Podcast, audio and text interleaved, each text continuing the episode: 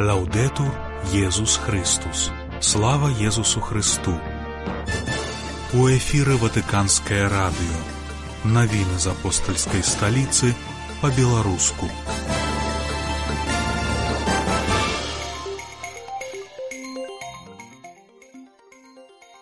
Папа заклікаў не забываць пра крывавыя войны, якія бушуюць у свеце. У рыме пройдзе сёмы дзень катакомбаў. У другой частцы праграмы рубрыка Пятра Рудкоўскага. 18 лютага вас вітае Марыя Валодзіна.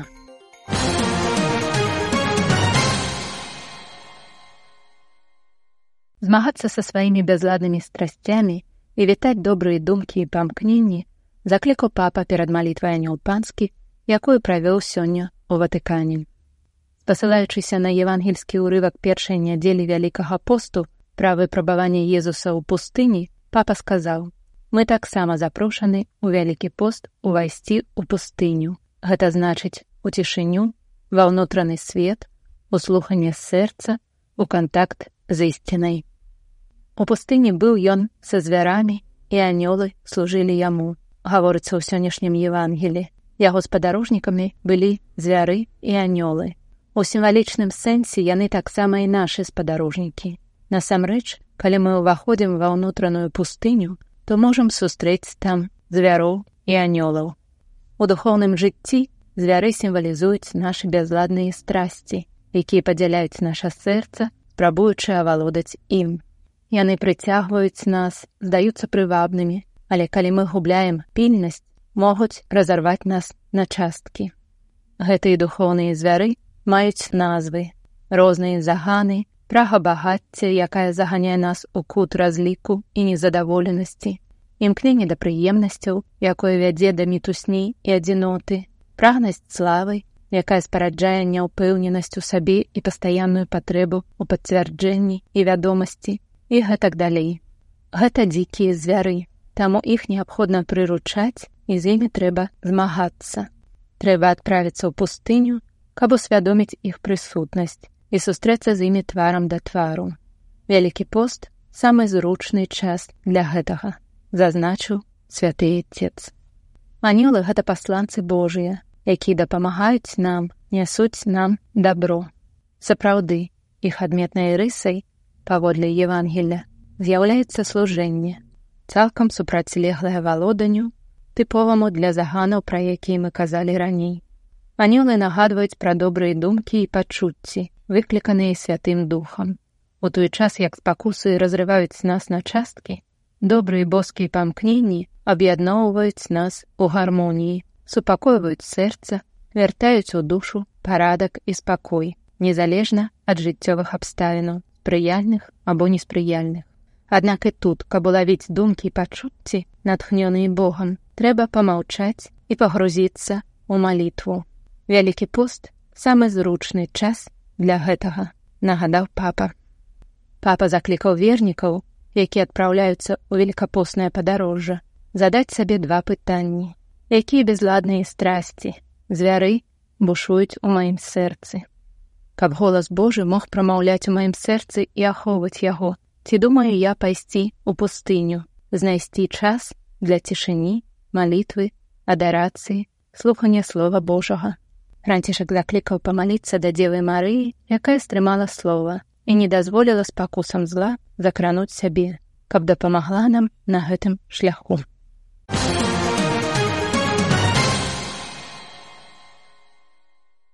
Не забываць пра крывавыя канфлікты, якія бушуюць на афрыканскім кантыненце і ў многіх частках свету, заклікаў францішак вернікаў, якія сёння у першую нядзелю вялікага посту сабраліся на ватыканскай плошчы святого Пятра. Прайшло ўжо 10 месяцаў з пачатку ўзброенага канфлікту ў судане, які прывёў да вельмі цяжкай гуманітарнай сітуацыі. Я зноў заклікаю ваюючыя бакі спыніць гэтую вайну, якая наносіць сур'ёзную шкоду народу і будучыні краіны, сказаў пантыфік, заклікаючы маліцца аб тым, каб як мага хутчэй былі знойдзеныя шляхі да міру дзеля будучыні судана. Гвалт супраць безабароннага насельніцтва, разбурэнне інфраструктуры і небяспека зноў бушуюць у правінцыі Кабудельгада у Мазамбіку. У апошнія дні там была падпалена каталіцкая місія афрыканскай маці Божай у Мазэзе, адзначыў святы отец, молячыся аб тым, каб мір вярнуўся ў гэты змучаны рэгіён. Францішак заклікаў не забываць пра шматлікія іншыя крывавыя канфлікты на афрыканскім кантыненце і ў многіх частках свету, у Еўропе, Палесціне, Украіне. Давайте не будзем забываць. Вайна заўсёды параза, заўсёды, нагадаў ён. Дзе б не ішлі баі, людзі знясілілі, стаміліся ад вайны, якая заўсёды бескарысная і безвыніковая, нясе толькі смерць, толькі разбурэнне і ніколі не вырашае праблемы падкрэсліў папа, заклікаючы вернікаў нястомна маліцца, просячы пана абдары розуму і сэрцу адданых справе міру. Пантыфік таксама нагадаў, што сёння ён разам з супрацоўнікамі рымскай курыі распачынае духоўныя практыкаванні і запрасіў усіх вернікаў у вялікі пост і ў год падрыхтоўкі да юбілею, які з'яўляецца годам малітвы прысвяціць пэўныя моманты пану У эфіры ватыканскае радыё. Навіны з апостальскай сталіцы па-беларуску. У суботу другога сакавіка ў рыме пройдзе сёмы дзень катакомбаў, у рамках якога можна будзе бясплатна наведаць сем хрысціянскіх некропаляў, паведаміла папская камісія па сакральнай археалогіі. Тэма сёлетняга вясновага дня катакомбаў ад успаміну да малітвы. Яна нагадвае пра падрыхтоўчы шлях да юбілею 2025 года. Як гаворыцца ў паведамленні, наведвальнікі катакомбаў змогуць даведацца пра першую хрысціянскую супольнасць рыма, пра людзей, падзеі і гісторыі, якія не страцілі сваёй значнасці і сёння.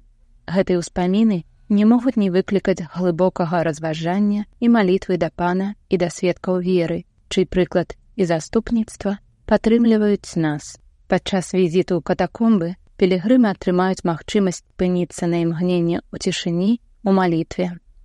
Карыстацца бясплатным уваходам і экскурсіямі па падземных комплексах можна пасля папярэдняга браніравання.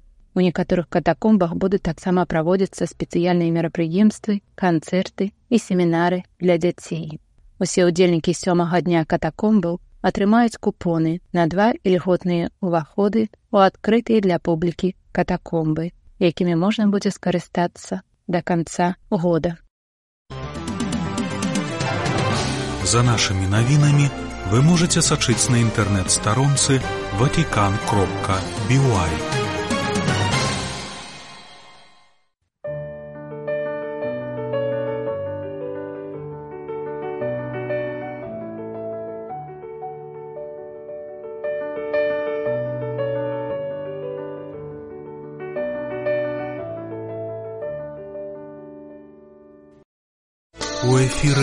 Ватыканскае радыё па-беларуску.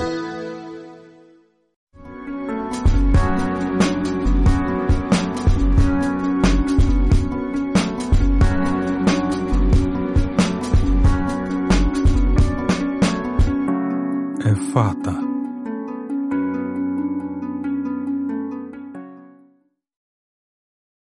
Хвала Христу, тры дні таму 15 лютага выйшаў новы выпуск індэкса дэмакратыі The Economist Intelligence Unit. Гэта бадай адзін з найбольш вядомых і грунтоўных індэксаў датычна палітычных сістэм у 167 краінах свету. Вось жа водле The Economist на дадзены момант на свеце налічваецца 59 краінаў з аўтарытарнай сістэмай дзяржаўнага кіравання.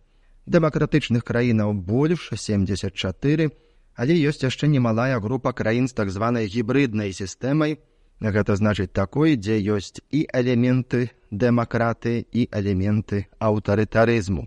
На мінулай перадачы мы пачалі абмяркоўваць сітуацыю, калі касцёл функцыянуе ва ўмовах аўтарытарызму. Як я ўжо заўважыў, зараз на свеце налічваецца 59 аўтарытарных краінаў. І практычна ва ўсіх гэтых краінах прысутнічаюць касцёльныя структуры, меншая або большая супольнасць католікаў і ва ўсіх гэтых краінах касцёл мусіць вынайсці спосаб функцыянавання. Што вызначае пошук такога спосабу? Вызначае, а прынамсі павінна вызначаць іерархія прыярытэтаў касцёла. Касцёл, як і кожная інстытуцыя мае свае прыярытэты. Як было сказано на мінулай перадачы, галоўным прыярытэтам тут ёсць забаўленне душаў людзей, а асноўнымі сродкамі рэалізацыі гэтага прыярытэту ёсць служэнне сакраментаў, абвяшчэнне Евангелля аб Божым валадарстве і учынкі міласэрнасць. У рамках абвяшчэння Евангелля ёсць нешта такое, як каталіцкае сацыяльнае навучанне, якое сярод іншага сцвярджае важнасць правоў чалавека і гарантаванне базавых грамадзянскіх і палітычных свабодаў. І вось гэты момант нярэдка спараджае непаразуменні, спрэчкі, палемікі, дылемы. Яны вынікаюць з наступнага разумавання, калі каталіцкае сацыяльнае навучанне сцвярджае важнасць правоў чалавека і грамадзянскіх свабодаў, то мясцовы касцёл, які дзейнічае ва ўмовах аўтарытарызму, павінен уключыцца ў барацьбу за дэмакратычны лад. Наколькі карэктнае гэта разумаванне. Ну, гэта разумаванне было б цалкам карэктным, калі б абарона грамадзянскіх і палітычных свабод была адзіным або асноўным прыярытэтам касцёла. Але ці так ёсць? Не, э, так не ёсць асноўным прыярытэтам касцёла, як было сказана, ёсць збаўленне душаў у адпаведнасці з логікай Евангелля і традыцыяй, а таксама з улікам рознага роду памылак, якія мелі месца ў ходзе двух тысячагадовай ужо гісторыі э, касцёла. І вось гэты прыярытэт збаўлення душаў прадвызначае або павінен прадвызначаць расстаноўку далейшых прыярытэтаў, далейшых задач, мэтаў, дзе на першым месцы стаіць культ адзінага Бога і абарона аўтаноміі касцёла. У гэтым кантэксце хацеў бы запрапанаваць адзін урывак з Евангелля. Цытую: У дзень нараджэння ірада танцавала дачка і радыяды перад гасцямі і дагадзіла іраду. Таму ён з клятвай абяцаў ёй даць, чаго б яна не папрасіла. А яна, падбухтораная маці сваёю, сказала: « Дай мне тут на місе галаву Яна хрысціцеля. Засмуціўся кароль, але дзеля прысягі і гасцей загадаў ёй аддаць. І паслаў ката і адсек яну галаву ў цямніцы, галаву яго прынеслі на талерцы і аддалі дзяўчыне, а тая прынесла яе маці. І прыйшлі вучні янавы, узялі цела ягона і пахавалі. Тады яны пайшлі паведамілі Ісусу. Пачуўшы гэта, Ісус адплыў адтуль у лодцы у пустэльнае месца. Евангеля пабодры Мацвея, 14 раздзел. Калі чытаць гэты фрагмент праз прызму палітычнай барацьбы за лепшы грамадскі лад, то шмат каго можа абураць тое, што калі ірад загадаў забіць Яна хрысціцеля, то Ісус не арганізаваў акцыю пратэсту, а як чытаем, адплыў адтуль у лодцы ў пустэльнае месца. Найвідавочней не ў гэтым палягала місія Хрыста, а ў нечым іншым. Ёсць людзі і арганізацыі, якія лічаць сваёй асноўнай місіяй палітычную барацьбу за лепшы грамадскі лад за грамадзянскія палітычныя правы, і гэта добра. Сучаснае сацыяльнае навучанне касцёла пацвярджае, што такога тыпу дзейнасць апраўданая і шляхетная. Тым не менш, важна прыняць даведама, што для самога касцёла як інстытуцыі гэта місія не ёсць асноўнай аналагічна як і для самога Ісуса Хрыста яна не была асноўнай. Апроч базавых прыярытэтаў і прыкладу Ісуса ёсць яшчэ гістарычны досвед касцёла, который таксама уплывае на акрэсленне свайго месца ў сучасных палітычных рэаліях. Быў час, калі хрысціяне прабывалі амаль літаральна пад зямлёй і не імкнуліся ні да якога ўплыву на грамадска-палітычныя працэсы але былі эпізоды так званага папацэзарызму, калі каталіцкі касцёл імкнуўся палітычна падпарадкаваць кіраўнікоў усіх хрысціянскіх краінаў ну у імя гарантавання справядлівага грамадскага ладу. Дактрынальным пікам гэтай тэндэнцыі стала була унам санктам папы баніфацыя восьмага гэта пачатак 14 стагоддзя, якая сцвярджала права касцёла наўпрост прызначаць альбо кантраляваць свецкіх валадароў. Пасля падзення папскай дзяржавы ў другой палове 19 стагоддзя паступова сфармаваўся кансэнсус наконт таго, што прадстаўнікі касцёльнай іерархіі, то бок святары біскупы не павінны займаць ніякіх пасадаў у інстытутах свецкай улады і не павінны быць чальцамі палітычных партый. Падчас другога ватыканскага сабору гэты кансэнсус быў дэкларатыўна замацаваны, а ў 1983 годзе быў замацаваны таксама юрыдычна кодексам кананічнага права.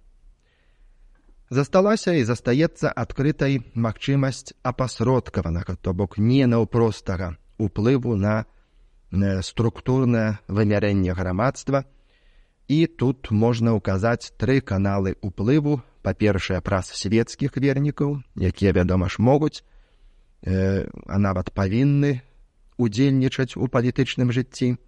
Па-другое шляхам публічнай ацэнкі грамадскіх працэсаў.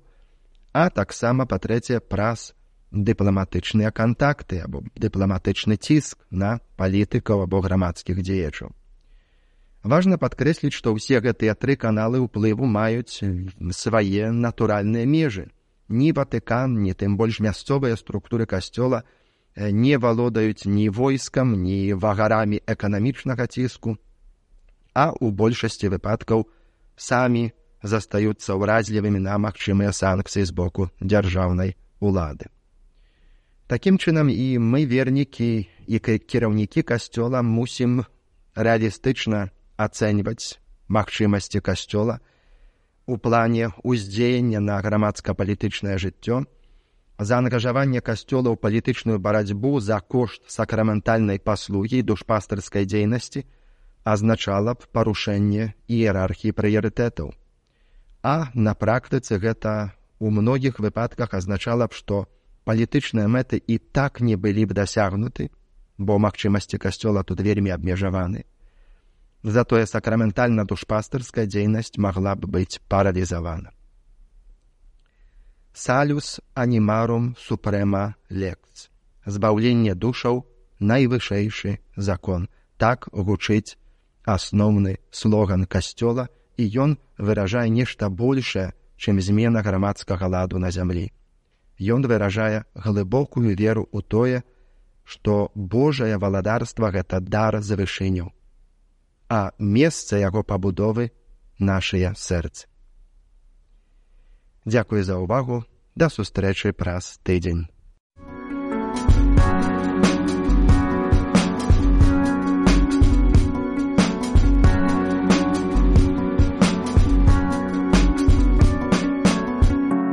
Эфата